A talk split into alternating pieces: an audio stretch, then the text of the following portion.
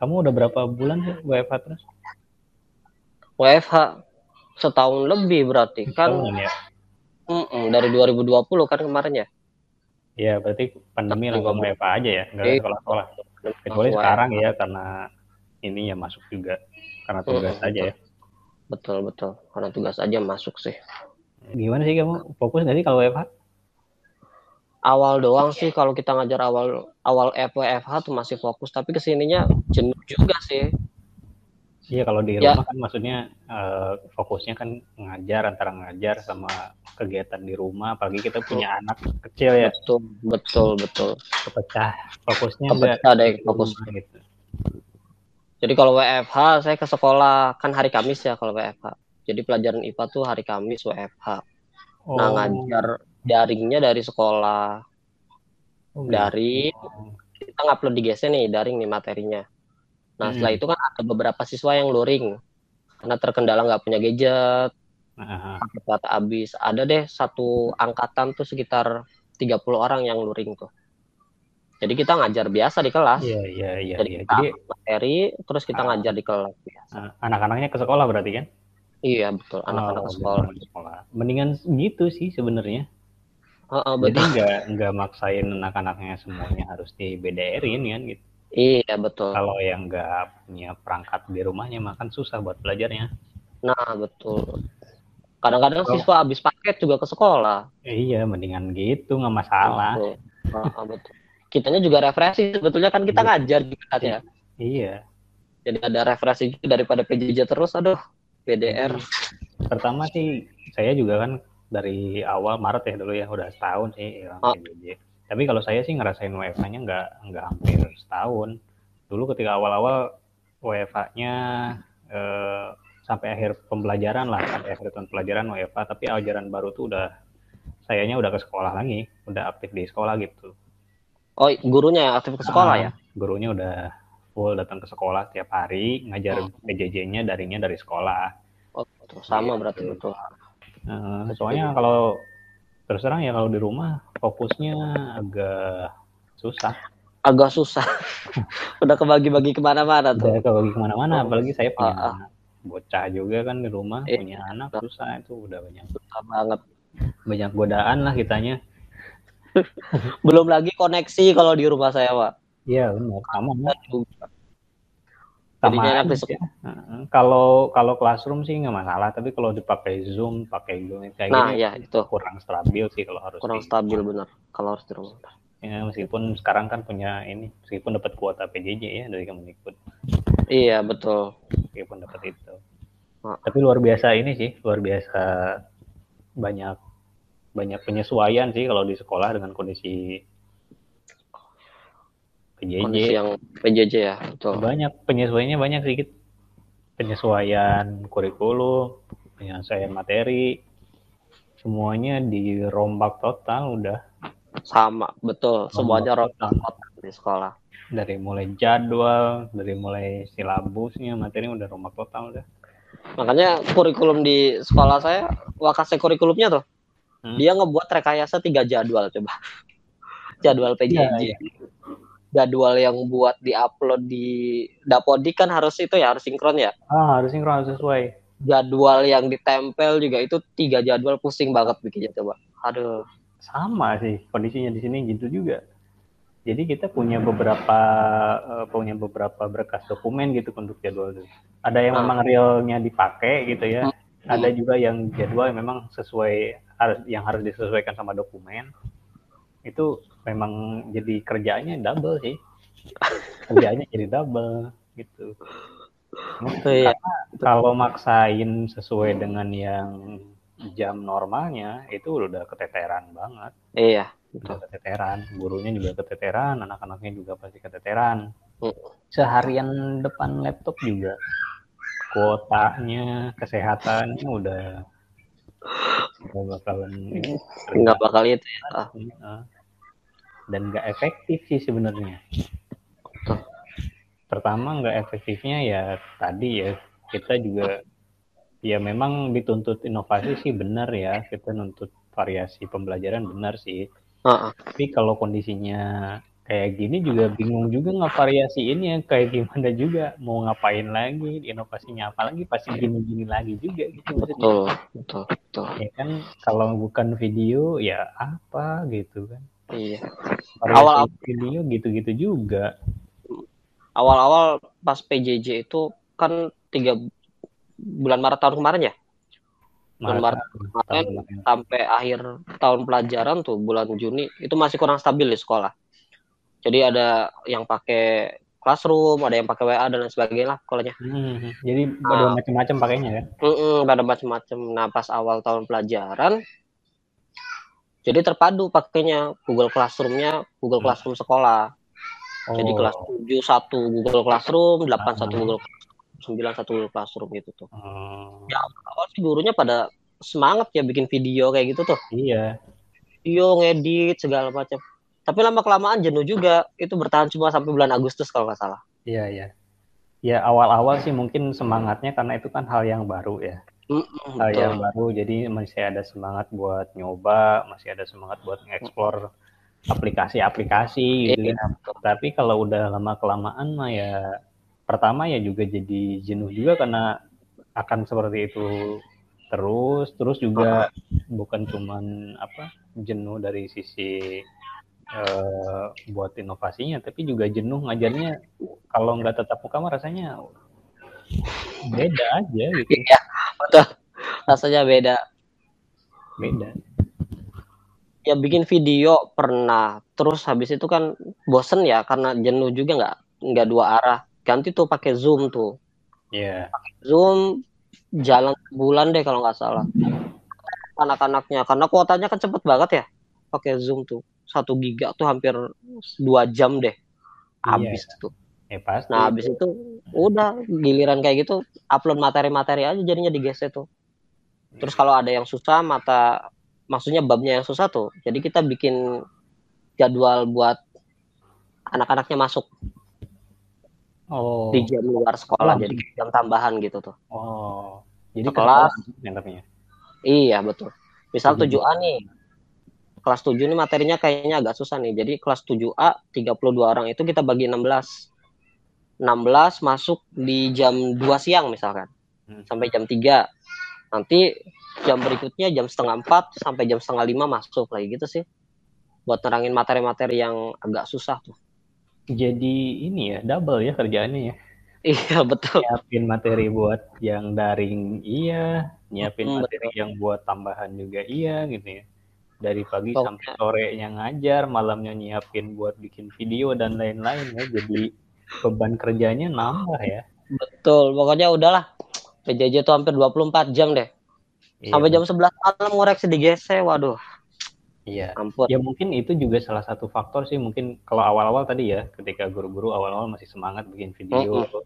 pakai aplikasi, oh. tapi lama-lama juga sebenarnya kan bikin-bikin kayak gitu bikin video kan perlu waktu yang lama sebenarnya. Iya, betul. Prosesnya lama. Waktu yang lama. Terus juga kalau yang nggak terampil banget mah ya, ya begitu aja gitu. Uh, uh, betul. Ya udah selesai. Dan ya perlu effortnya, perlu usahanya yang lebih sih buat nyiapin medianya kalau sekarang kan. Iya betul, buat nyiapin medianya perlu.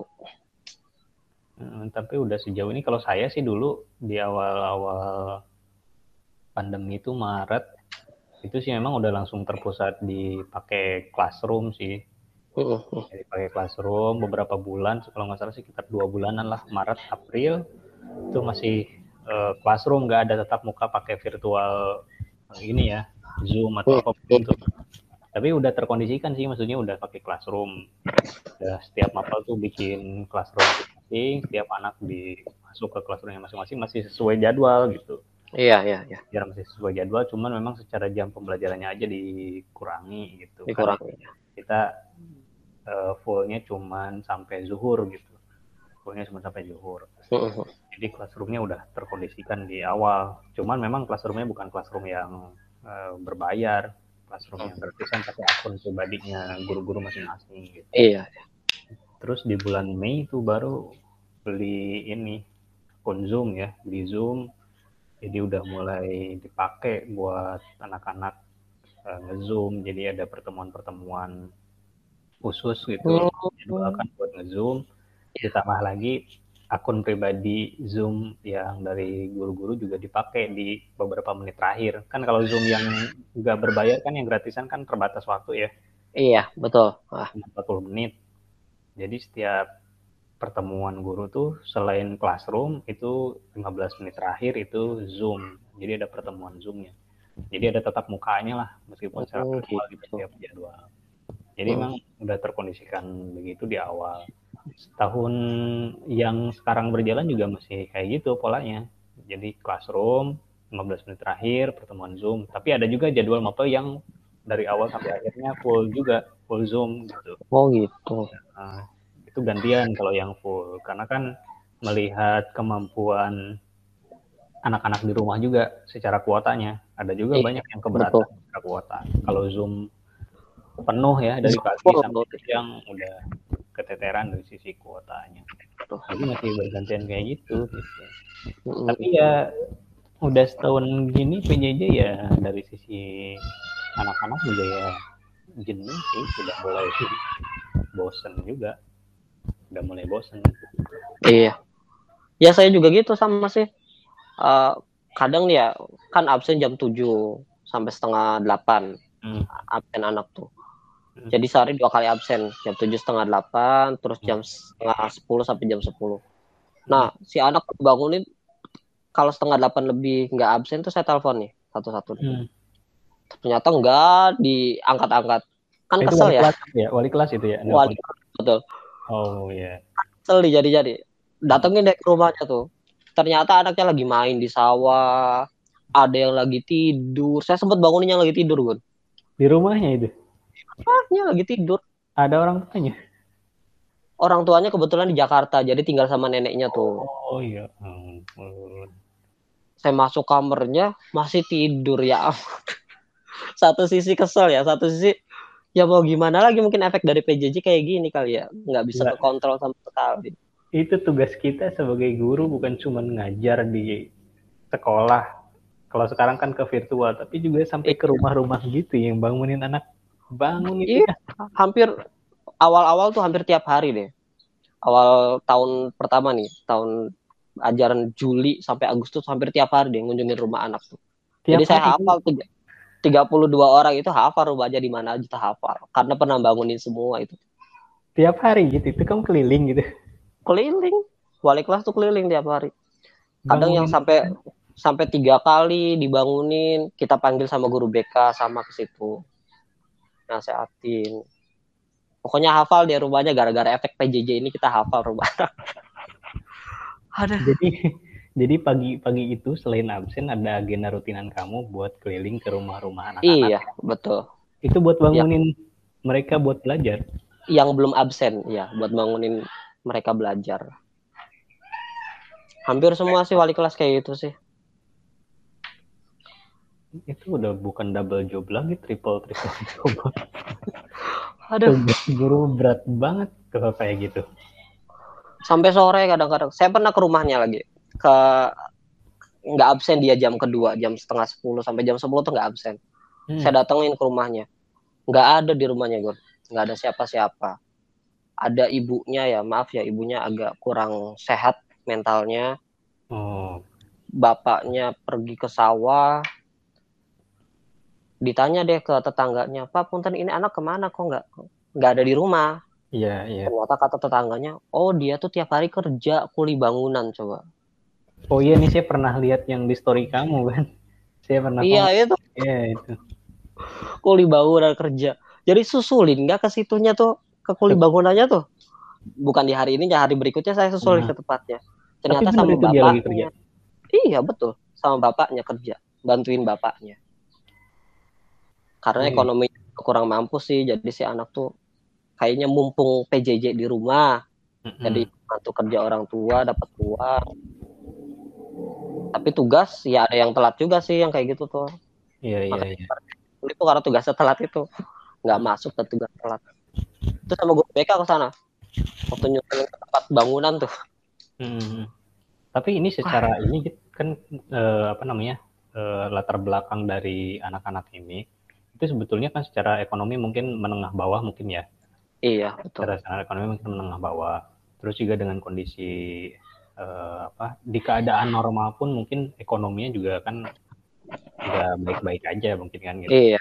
Ditambah juga mungkin dengan kondisi pandemi kayak begini gitu ya, tambah hmm. mungkin lebih nggak baik-baik aja lagi karena ada pengeluaran lain yang memang mungkin harus disiapkan buat belajar kan kuotanya, iya. perangkatnya gitu kan.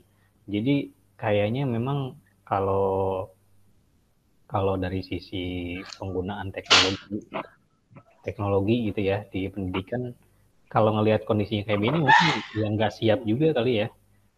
Nggak siap buat buat dipakai secara betul-betul full pakai teknologi kayak begini kayaknya iya kat, betul kata kata saya nggak siap uh, ya kayaknya pemerintah nggak ngelihat dari semua ya ke daerah-daerah pelosok kayak gitu kan daerah sini aja daerah saya itu termasuknya agak kota gitu di Indramayunya tuh. Ya. Yeah.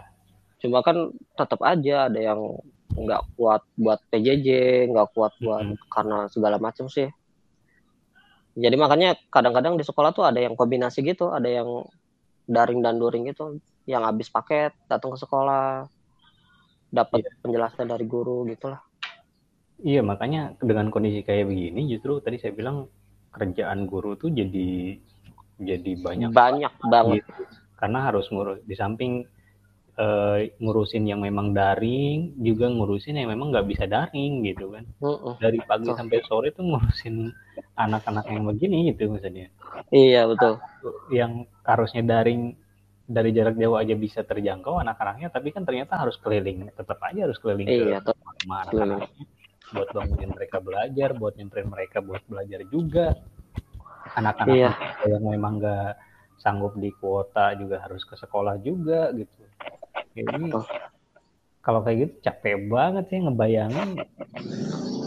Ada sampai benar padahal dari sekolah juga ngebantu kuota sih sebetulnya. Kan oh. dari Kemendikbud ya kuota ya? Ada betul. Dari sekolah juga ada subsidi kita kuota per bulan. Tapi tetap aja nggak memenuhi kayaknya. Iya iya tapi dengan ada. kondisi kayak begitu, tadi kan memang ada kendala ya anak-anak mungkin kan kayak nggak absen, pasti kan nggak ikut belajarnya juga nggak ikut. Uh, uh, pasti. Betul. Nah sejauh ini sih sebetulnya uh, kalau di kamu ya di, di sekolah kamu tuh partisipasi anak-anaknya tuh kalau mau dipresentasikan ikut pembelajaran itu bisa berapa persen?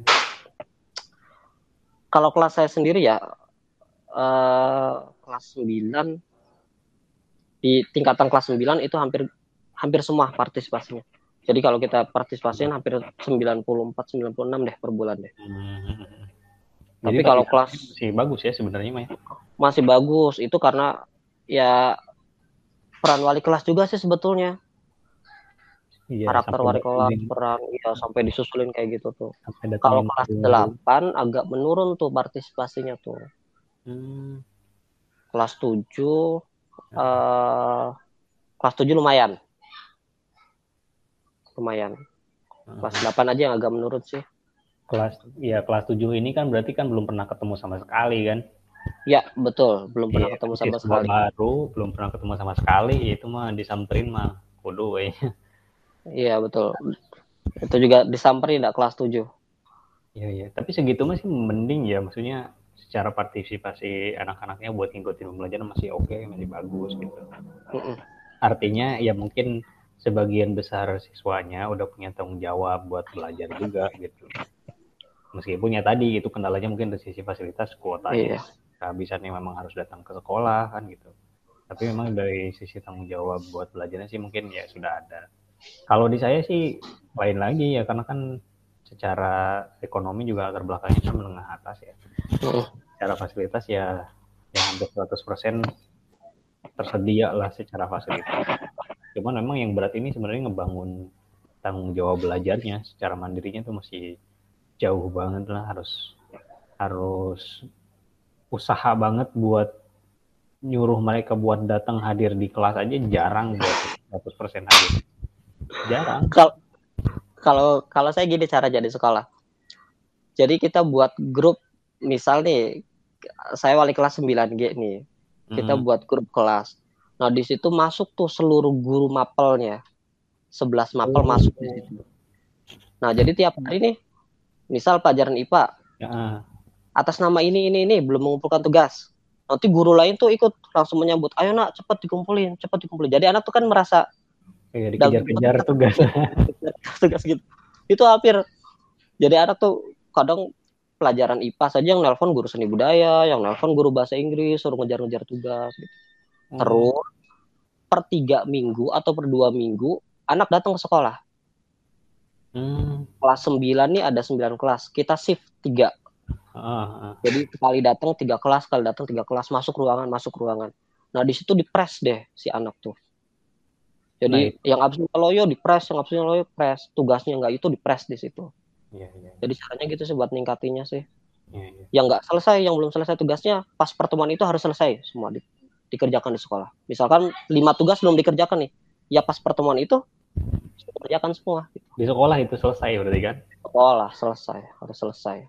Jadi ada ada grup kolaborasi ya antara mapel. iya betul kelas itu. kolaborasi antar mapel. Jadi bukan grup kelas doang ya, bukan hanya wali Oh, kelas ada di dalam, iya tapi ada grup ada guru mapelnya yang di dalamnya juga Iya. yang tiap waktu bisa report gitu ya tugas-tugas mereka. Iya betul. Jadi kita kan tahu ya, misal saya wali kelas jadi tahu, oh si anak ini nggak mengumpulkan bahasa Inggris, saya telepon anak. Iya iya iya. Berarti Kalau kan nggak respon, telepon orang tua. Ya. gitu. Reportnya kan berarti kan si guru mapel langsung di grup itu, kamu juga Iya. wali kelasnya tahu, anak-anak juga langsung Iya. tahu gitu ya. Betul. Hmm. Terus Berarti- ada grup wali kelas, grup wali murid kan ya di kita Iya, grup. Nanti kalau nggak, misalkan tiga kali dihubungin anak nih nggak bisa, ya dioper ke grup wali murid. Bapak Ibu punten atas nama ini ini ini belum menyelesaikan tugas ini ini ini. Oh. Itu orang tua yang langsung turun tangan sih sebetulnya. Jadi kalau anak-anaknya udah susah, ke orang tua baru gitu ya. Kalau baru ke orang tua. Ya alhamdulillah sih sejauh ini orang tuanya apa ya mau Sibuk diajak kerjasama. ya. Hmm. Oh, oh, betul. Enak sih kalau kayak gitu memang. Di saya sih sebetulnya gitu juga, ada grup juga. Jadi ada grup anak-anak, ada grup orang tua gitu. Tiap kelas kan punya grup, tapi di grup itu kalau kamu kan tadi semua guru mapel ada di situ ya di grupnya. Kalau saya cuman walasnya saja gitu. Tapi nanti kalau dari guru mapel ada permasalahan terkait dengan tugas-tugas atau ada informasi di mapelnya itu disampaikannya melalui wali kelas gitu. Jadi Oh, komunikasinya gitu. komunikasinya jembatannya eh, lewat wali kelas semua gitu. Entah itu ke Hmm. anak, entah itu ke orang tua. Sejauh ini sih memang ya kalau dibilang efektif ya kurang begitu efektif karena banyak miskomunikasi antara dari guru mapel ke wali kelasnya nyampe ke anaknya dari mapel ke wali kelas ke orang tuanya kadang-kadang ada miss gitu terkait dengan Iya. ini.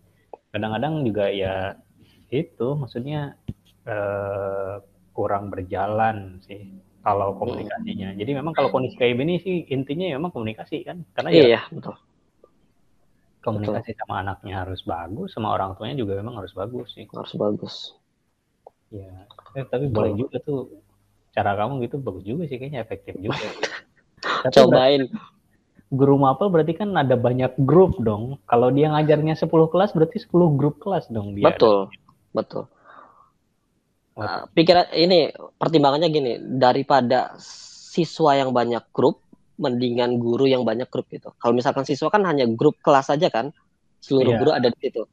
Kalau Iya, misalkan satu guru, saya guru IPA nih bikin grup sendiri. Saya punya satu grup, tapi Iya. siswa nanti punya beberapa grup kan, 11 grup mata pelajaran itu kan. Iya, iya.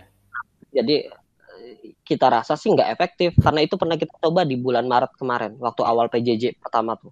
Anaknya Satu ya. Iya, anaknya keder, terusnya ya nggak ada press lah dari guru-guru yang lain tuh nggak Oh ada. iya. Kurang ininya ya. Tapi kalau bareng-bareng kolaborasi semua guru nagih. Iya, Anaknya Enaknya gitu. ada ini ya. Ya benar juga sih, betul juga bisa gitu. Daripada anak yang banyak grup WA-nya mendingan gurunya ya. iya betul. Tapi memang jadi effort banget nih guru-gurunya. Tapi luar biasa sih kalau bisa sampai begitu. Bisa dicoba sih nih. Tipsnya nih bisa dicoba. Karena memang sampai sejauh ini memang partisipasi anak-anak buat belajar itu kurang banget sih. Di setiap pertemuan bisa hadir full aja udah jarang, udah jarang banget. Hmm, Udah jarang. Ya 90 persenan lah paling juga full. Pas- Pasti ada aja gitu yang yang nggak berangkat ya. nggak masuk nggak tuh gitu. karena ya kondisi juga sih mungkin ya kita juga ya jangankan anak-anak ya kita sendiri. Terus terang yang ngerasain juga sih bosannya iya betul. jenuhnya. Karena kan ritme kegiatannya begini aja gitu kan. Di kelas mm. belajarnya paling kan upload video diskusi di di classroom. Iya betul. Secara interaktif kalau di IPA kan istilahnya apa ya? Hands on. Ininya kan kurang gitu loh kalau nggak tetap nggak dapet susah. Betul, apalagi betul. ngajarin IPA hitungan apalagi pas fisikanya. Ya itu. Susah banget kalau kayak gini. Karena gini kita nggak bisa memastikan ketika kita menyampaikan materi apalagi share video di classroom gitu kan kita nggak bisa memastikan anak-anak itu nyimak paham susah. Ya. di zoom aja kalau live zoom misalkan kita nerangin juga belum tentu anaknya nyimak kita nggak bisa berarti jangan-jangan di sana anak-anaknya kepada ke mana? Jangan-jangan kita ngomong sendiri di zoom. Betul betul. Bisa saya pernah gini. Jadi pas kita upload materi ya kita upload materi di Google Classroom itu karena kebetulan guru IPA kelas 9 itu dua orang. Iya iya. Nah, kita rencana tuh pas jam IPA kita telepon video call acak siswanya. Oh iya iya iya. Ternyata saya pernah nemuin ada sih anak yang bener yang sedang belajar, yang lagi belajar, belajar kelompok sama temennya dua atau tiga orang. Nah, tapi lebih sering nemuinya ketika di video call itu si anak nggak mau ngangkat. Hmm. Dia WA. Kamu lagi di mana? Sebentar Pak, nanti saya telepon balik, saya video balik. Ternyata setelah di video call dia ngaku habis main, oh. habis nonton. Sudah iya. dibuka materinya belum? Nggak belajar ternyata kan? uh, saya khawatir apa jangan-jangan cuma absen saja. Habis absen dia nggak belajar sama sekali. Ya ya nah itu, itu gitu. jatuhnya terus terang sekarang itu jatuhnya kita tuh guru bukan apa apa ya jatuhnya ada bawaan curiga juga. Iya betul. Curiga ya kita habis lagi ngajar nih absen nih ada anak jangan-jangan cuma ngabsen doang belajarnya enggak gitu ketika live zoom aja jangan-jangan nih nyimak apa enggak gitu. Karena iya betul. ketika ketika live zoom aja buat anak-anak minta anak-anak buat nyalain kameranya itu susahnya minta ampun. Susah banget. Nggak mau jangan nggak mau dibuka kameranya. Kalaupun dibuka itu pasti awal aja ketika awal ketika kita suruh buka buka. Tapi ketika misalkan kita share screen udah ngilang lagi. Hilang betul. Jangan-jangan tinggal diaktifin saja terus hilang iya. Ya jadinya kan kita juga ada rasa ini bukan ini ya kita juga kan perlu tahu ya ini yang kita sampaikan materinya tuh nyampe ke anak-anak apa enggak eh paham apa enggak karena kondisi kini jarang-jarang juga meskipun ada misalkan di classroom diskusi di live zoom tanya jawab juga jarang-jarang anak-anak yang memang nanya misalkan. Jarang kalau kitanya nggak aktif banget mah. Uh -uh. susah gitu buat siswa aktif itu karena tadi mungkin kalau saya sih ngelihatnya secara tanggung jawab kemandirian belajar anak-anaknya juga masih perlu perlu dibangun banget. Di kondisi kayak uh -uh. susah. Tuh ini memang jadi jadi pengalaman yang luar biasa sih buat guru-guru gini satu tahun nih tahun gitu maksudnya dengan kondisi kayak begini. Ya tapi alhamdulillah kalau ngelihat ini mah dengan bisa bertahan pembelajaran aja sudah bisa disyukuri sih sebenarnya. Iya banyak hikmah sih. Kalau saya sih ngelihatnya tadi dari cerita kamu gitu ya keliling-keliling pagi-pagi buat bangunin anak-anak buat belajar terus juga banyak anak-anak yang ternyata belum bangun bahkan yang nggak ada di rumah kerja. Kalau saya sih ngelihatnya hikmahnya kan sebetulnya basic pendidikan itu ada di rumah ya. Uh-uh. nah kalau melihat kondisi gitu sebetulnya kan yang perlu dibangun itu sebenarnya pendidikan dari rumah sih sebenarnya. Iya. Di rumah gitu. Dengan sekarang kondisi PJJ anak-anak belajar kembali ke rumah juga kan ternyata kontrol kontrol anak-anak tuh juga susah juga gitu buat ngarahin. Hmm. Tapi kalau misalkan anak-anak yang memang pendidikan di rumahnya udah udah bagus, pendidikan di rumahnya bagus, buat ngontrolnya nggak susah kalau saya lihat nih. Hmm. Jadi saya ngelihat perbandingan gitu ya beberapa anak gitu ya, yang memang di rumahnya uh, secara didikan orang tuanya yang bagus gitu. sama anak yang memang di, di rumahnya kadang-kadang dilepas gitu ya atau bahkan sama sekali nggak ada orang tua karena orang tuanya pada kerja oh. itu secara eh, apa namanya secara pembelajaran itu beda. Mudah lebih mudah yang secara didikan di rumah orang tuanya bagus gitu ya. Itu lebih mudah lebih mudah diarahkan hmm. itu lebih mudah ngikutin dibandingkan sama anak-anak yang bisa dibilang ya lepas gitu dari didikan orang tua. Itu hmm. susah untuk diarahkan karena kalau yeah. di saya jadi ada istilah begini karena kan saya sekolahnya ini full day kan anak-anak kalau dalam keadaan normal pun lebih banyak waktunya dihabiskan di sekolah dibandingkan di rumah. Oh gitu ya? Oh iya ya. No full day ya. Pulang pulang sore kan, asar pulang. Iya. Paling kan eh, pulang juga sore cuman sebentar, malam kan tidur. Aku juga iya. orang tuanya kerja, kadang ada juga yang jarang-jarang ketemu gitu. Jadi ada, ada istilah istilahnya tuh jadi kayak ya menitipkan anak di sekolah juga anak di sekolah ya betul tanggung jawab sekolah gitu.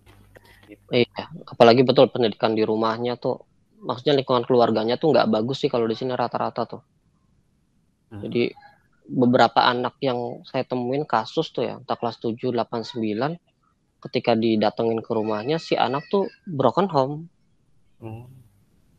Jadi entah orang tuanya cerai pisah mak dia tinggal sama neneknya itu kebanyakan gitu sih sebetulnya hmm. terus pernah juga ini yang sampai mogok si anaknya kelas 9 mogok hampir tiga bulan nggak masuk nggak masuk PJJ hmm. didatengin udah nggak masuk lagi datengin udah nggak masuk lagi ternyata yeah. pas ke sana si anak tuh tinggal sendirian di rumah bapaknya hmm. nikah lagi tinggal jauh ibunya nikah lagi tinggal jauh jadi bener-bener nggak ada nggak ada siapa-siapa di situ dia sendirian. Untungnya samping rumah itu uaknya dia. Jadi kalau makan dia ke situ. Tapi kalau tidur apa di rumah sendiri. Bahkan rumahnya tuh maaf ya kayaknya kurang layak gitu. Nggak keurus. dia tinggal sendiri mm, sampai lampu pada mati. Itu perempuan loh. Nah itu puncak ya puncak tiga bulan itu. Pokoknya kamu kalau nggak datang ke sekolah bakal dikeluarkan. Itu bulan apa ya? Bulan Oktober. Hmm ternyata di BK deh dia sama guru BK sama hmm. kepala sekolah. Semua guru ikut turun tangan deh yang ngajar deh. Hmm. nah sekarangnya dia belajar di sekolah. Coding hmm. karena nggak juga ya, tiap hari datang. Sekarangnya paling rajin. Itu kita kita sampai terharu betul. Sekarangnya dia paling rajin paling bener ngerjain tugasnya karena ngerasa diperhatiin. Karena hmm. ngerasa dia dapat perhatian dari gurunya yang dia nggak dapat di rumahnya Yeah, Karena yeah. di rumah kan dia curhat sama siapa ya nggak ada siapa-siapa. Jadi dia kalau itu ke sekolah kadang curhat, kadang habis selesai PJJ dia curhat, dia cerita. Mm-hmm. Kadang beberapa guru gantian ngasih sangu ke dia uang uang jajan. Iya yeah, iya. Yeah. Jaraknya jauh rumahnya tuh, ada hampir tiga kilo dari sekolah.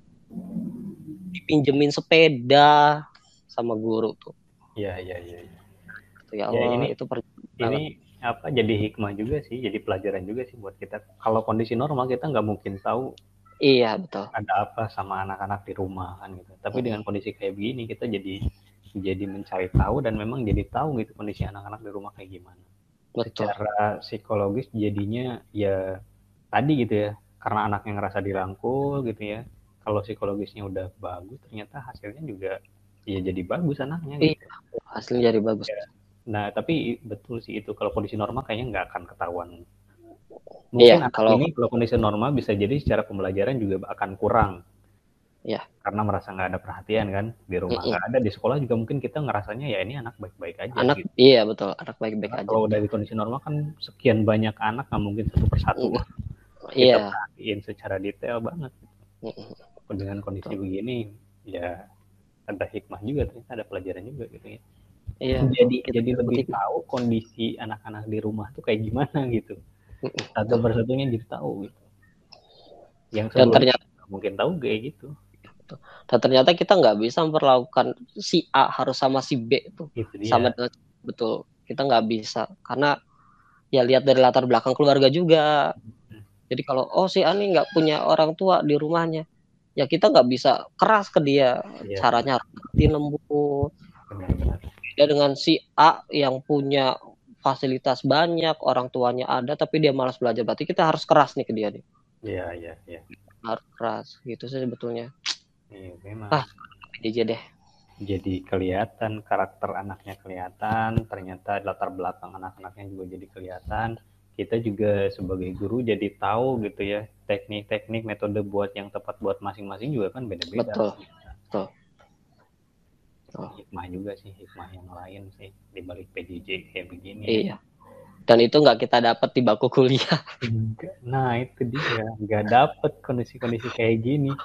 itu nggak dapat. Tuh ya. belajar di lapangan bener-bener ada. Ya, tapi memang itu sih kondisinya. Kan sebelumnya juga saya ngobrolin sama Mafudin kan terkait dengan kuliah ketika kerjaan di kuliah belajarnya apa di kerjaan ternyata dapatnya yang dihadapin kayak gimana gitu. Saya iya. Dan itu sama si sebelumnya.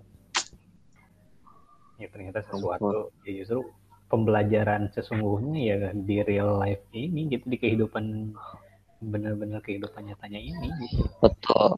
Nah, dan justru saya juga malah berpikir ketika tadi kamu yang ada anak yang ketika nyamperin ke rumah ternyata anaknya nggak ada ternyata lagi kerja ya berarti sebenarnya dia lagi belajar ya sesungguhnya bisa jadi dia loh sebenarnya. Nah itu. Dibandingkan anak yang lain yang memang hadir di classroom hadir di zoom betul. ya, belajar tuh anak ini gitu belajar hidup gitu anak ini. Betul. Justru dia sedang belajar keterampilan hidup itu ya, sebetulnya. ya, justru itu yang bakalan benar-benar jadi bakal dia buat kehidupan gitu belajar Aduh, ya dibandingkan mungkin anak-anak yang lain yang datang di classroom dia di yeah. mungkin dia belajar tapi secara teori aja secara realnya nggak dipraktekin gitu kan keterampilan yeah. nggak ada. Bisa jadi anak yang tadi yang sebenarnya terus yang belajar. Betulnya anak itu tuh belajar hidup. Kadang-kadang terbuka ke situ sih mikir Iya. Saya juga ada kondisi kayak anak-anak yang memang ini anak nih jarang hadir di classroom nggak pernah hadir. Di live zoom nggak pernah hadir. Di kegiatan-kegiatan hadir cuman hadir nama aja gitu. Ketika dipanggil nggak ada anaknya. Hmm. jadi cuman kayak ya udah dia udah ikut di zoom gitu. Tapi nggak ada sebenarnya anaknya.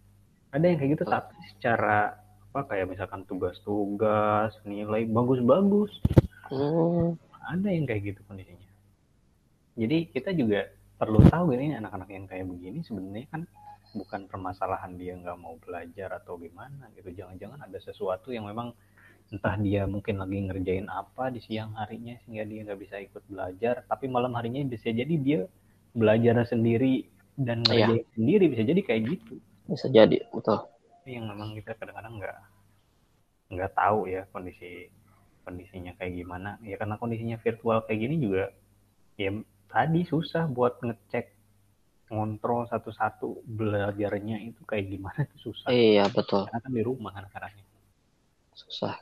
Gitu dia ya. Tapi alhamdulillah banyak banyak pelajaran sih. Iya. Kita juga jadi ngulik-ngulik classroom dulu juga emang udah tahu classroom tapi jadi belajar lagi. Iya betul. Jadi PJJ ini guru sama murid sama-sama belajar. belajar. Iya. Jadi sama-sama belajar kayak gini. Oh, jadi kuliah kita nggak belajar begini. Iya betul. Nggak siap dengan teknologi ternyata langsung ya, dibentukkan dengan kenyataan belajarnya jadi belajar ini belajar sambil jalan ini Iya betul ini belajar sambil jalan kayak gini. Tanpa persiapan langsung harus dipraktekkan dan memang mau nggak mau harus cepat adaptasi dengan kondisi kayak begini. Iya. Harus adaptasi. Nah, di sekolah emang kan campuran tuh gurunya ada yang tua, ada yang muda. Nah itu yang susah adaptasi sebetulnya yang udah pada iya, iya. Uh, ya. Bisa sih alhamdulillah muda-muda. Iya. bisa ikut menyesuaikan. kendala guru juga di sini banyak yang sepuh-sepuh susah adaptasinya ya. belajarnya. Ya itulah. Rupa-rupa cerita PJJ